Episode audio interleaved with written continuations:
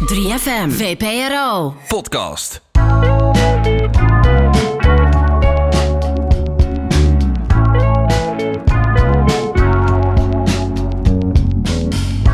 Dit is een podcast van VPRO 3 voor 12 en 3FM, waarin ik, Sagit Carter, in gesprek ga met jouw favoriete artiesten.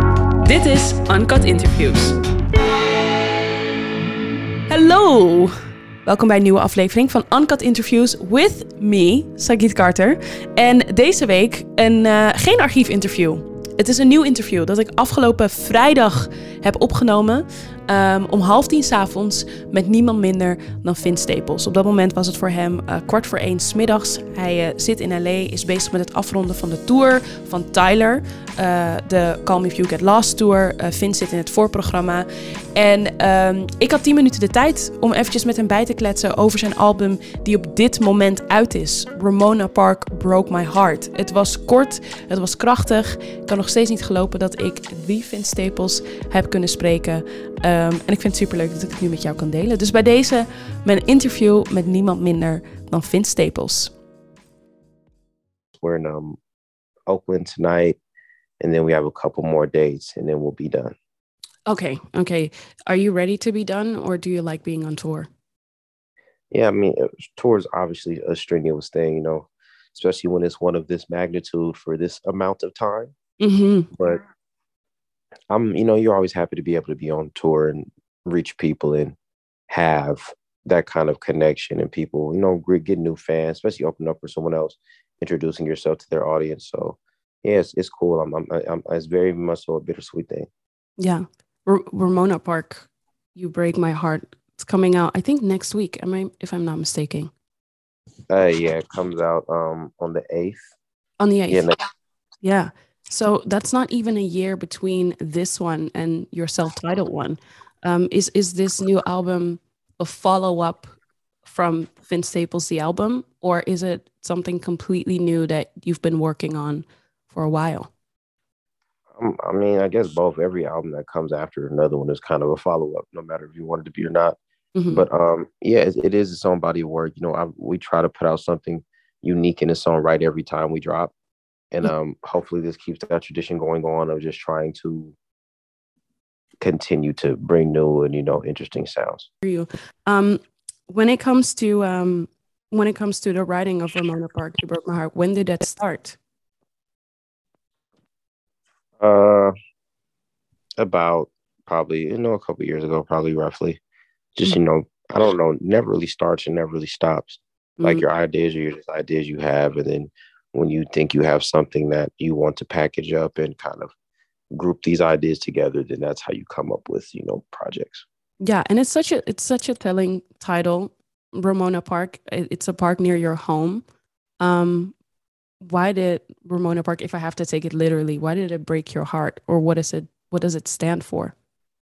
Um just utilizing the idea of home and the idea of you know heartbreak. You know these are two things that everyone understands and kind of using it as kind of a metaphor to growth and to you know trying kind of reevaluating your priorities and the things that you care about things that naturally come with growth mm. and um yeah so the title is just basically metaphorical for that kind of process it's not it's not necessarily you know it's not to be taken specifically but it's just that kind of notion is something that everybody experiences like the thing that you love mm-hmm. you you you kind of you know outgrowing the things that you love is basically what that kind of symbolizes or stands for. And, mm. and, you know we speak a lot of it a lot of a lot on it in the um project. And um yeah you know hopefully you know people we we get we garner some understanding. Yeah i hear you. Another line about uh, in the message that you send out with the cover art release for the album um, there was a line where you said to outgrow is to love and I really love that that line. Um, uh, maybe a weird question to ask, but do you feel like you're outgrowing music? I mean, I don't know. I've, I've honestly never thought about that. But for right now, you know, we are having fun creating this stuff. You know, a lot of people appreciate it. We're able to do these shows and put this music out. So, you know, I don't think it's a matter of that. I think it's just a matter of it being a means of creativity and you know just trying to use every creative medium that we possibly can from this to you know our our our, our graphic novel with Z2 Comics our title Limbo Beach that'll be releasing shortly to you know the Vince Staples show with Netflix, which is in the works, and Mm-hmm. just trying to keep continuing to create new things and just find different ways to get our thoughts across. Yeah, because I'm gonna be honest with you. I think like a lot of people, I've been kind of like obsessed with watching your interviews, and um, you've been very open about you falling into music, like like it not being something that you've been been dreaming about. So, uh, um, I I was wondering when it comes to that, is it now at a point where you see it more as a career, or is it still something where you're just going with the flow with? I mean, it's always been a career. I, I've never always taken music very seriously. I'm, I'm taking it professional because I have it. And it hasn't been a lifelong dream. It's opportunity and it comes with certain things. So Yeah. I just, you know, I've always looked at it like it was a career. And I think that's why we've been able to garner success mm-hmm. without having, you know, any really big records is because, you know, the professionalism and our approach to it has always been very, very much so. So almost selfless, to be honest. What do you mean with with the last part with the selfless? Because you know there are a lot of things that come with music that people don't like to do that are hard to do that are difficult to do. Like you know i don't think i can ask anyone uh to go be away from home for four months live on a tour bus and do five shows a week and they would be like yeah let's do it. It's a lot harder than it seems. So that's what i mean by the professionalism of it is being able to go out there and to market the music and share all of these things to get up and do the press to uh you know sign uh, 3000 cd booklets in a day. You know these kind of things are parts of music that come with professionalism where did you get that work ethic from? Because, like you said, there's a lot of people who don't look at it that way.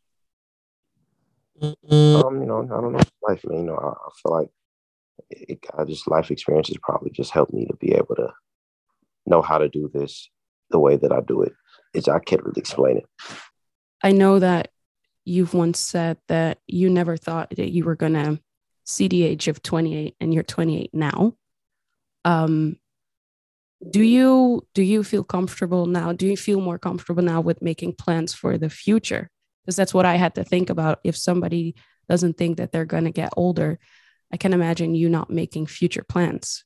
well it's not even about that not thinking it's not it's not as negative as, as excuse it's Mm. just that it, it wasn't a thought you know i didn't think about what i was going to be doing when i was 28 when i was 30 not as if i'm not gonna you know not um, not it wasn't it wasn't a morbid thing it's just you know i didn't think that far ahead Mm. because of how my thought process was but now you know my thought process obviously is going to be much different than it was when i was 12 13 14 years old like you know that's what happens when you grow and you you live long enough to you know have a lot of progress and you know have different situations and you know find meaning of different in find meaning in different things. So now you know being 28 years old you know of course um i have a different viewpoint but yeah we have a lot of optimism for the future and you know we have a lot of a lot of things that we have to look forward to.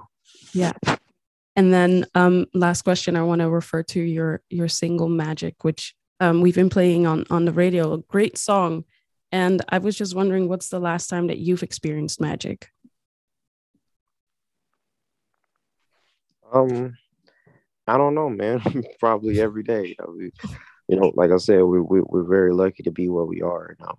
You know, we're on this tour right now, so I guess every time we get on that stage and we know we're in front of all those people, I guess that could be considered a magical situation. But yeah, um, I, I wouldn't even know how to really answer that one. That's okay. Wait, one last last last one. Who's that on your cover art? I really love the cover art. Oh, that's my mom. Mm, That's my mom. Great cover. I took a Um, picture from when she was younger, um, little kid. So, yeah, we kind of just took a, we took some scans and you know just did some cool stuff with it. But yeah, that's that's my mom. It's one of her school pictures. Ah, loved it. Um, well, thank you so much for your time, Vince, and uh, good luck on the album release and the last part of, of the tour. Thank you. I really appreciate your time. Dat was mijn interview met Vince Staples. Zijn nieuwe album Ramona Park Broke My Heart is nu overal te streamen. En vergeet je niet te abonneren op deze podcast, want volgende week ben ik er weer met een nieuwe aflevering, een nieuw interview. Ehm, ja, dus als je op de hoogte wilt blijven, abonneer je. Tot volgende week. 3FM. Podcast. Hey, hallo. Leuk dat je nog even bent blijven hangen. Ik ga niet voor je liegen. Ik ben meestal al uitgetuned op dit punt in de podcast. Je bent er nog. Wij, Use en J van Use en J New Emotions, de podcast, willen je namelijk graag kennis laten maken met onze podcast. Het is bijvoorbeeld lekker om te luisteren op je dode gemak. Inderdaad. Als je lang uit op je sofa ligt met een kussentje onder je knieën. Of op je knieën mag ook. Of wanneer je door de zachte motregen fietst met een tas vol boodschappen. Oeh, In elk geval raden wij jou aan ook eens te luisteren naar J New Emotions. Een blessing voor je oren. Waarin Pepijn en Youssef, wij dus, praten met mensen die jij vast ook graag een keertje zou willen spreken. Zoals bijvoorbeeld Monica Geuze, Tim Hofman, Why not? Maan, Tuurlijk. Vrouwtje, Mhm. Eefje de Visser, Yes. Ronnie Flex. Wij zoeken tot op de bodem uit wat zij zoal doen op een dag. Wees lief voor jezelf en luister Use, maar ook J. New Emotions.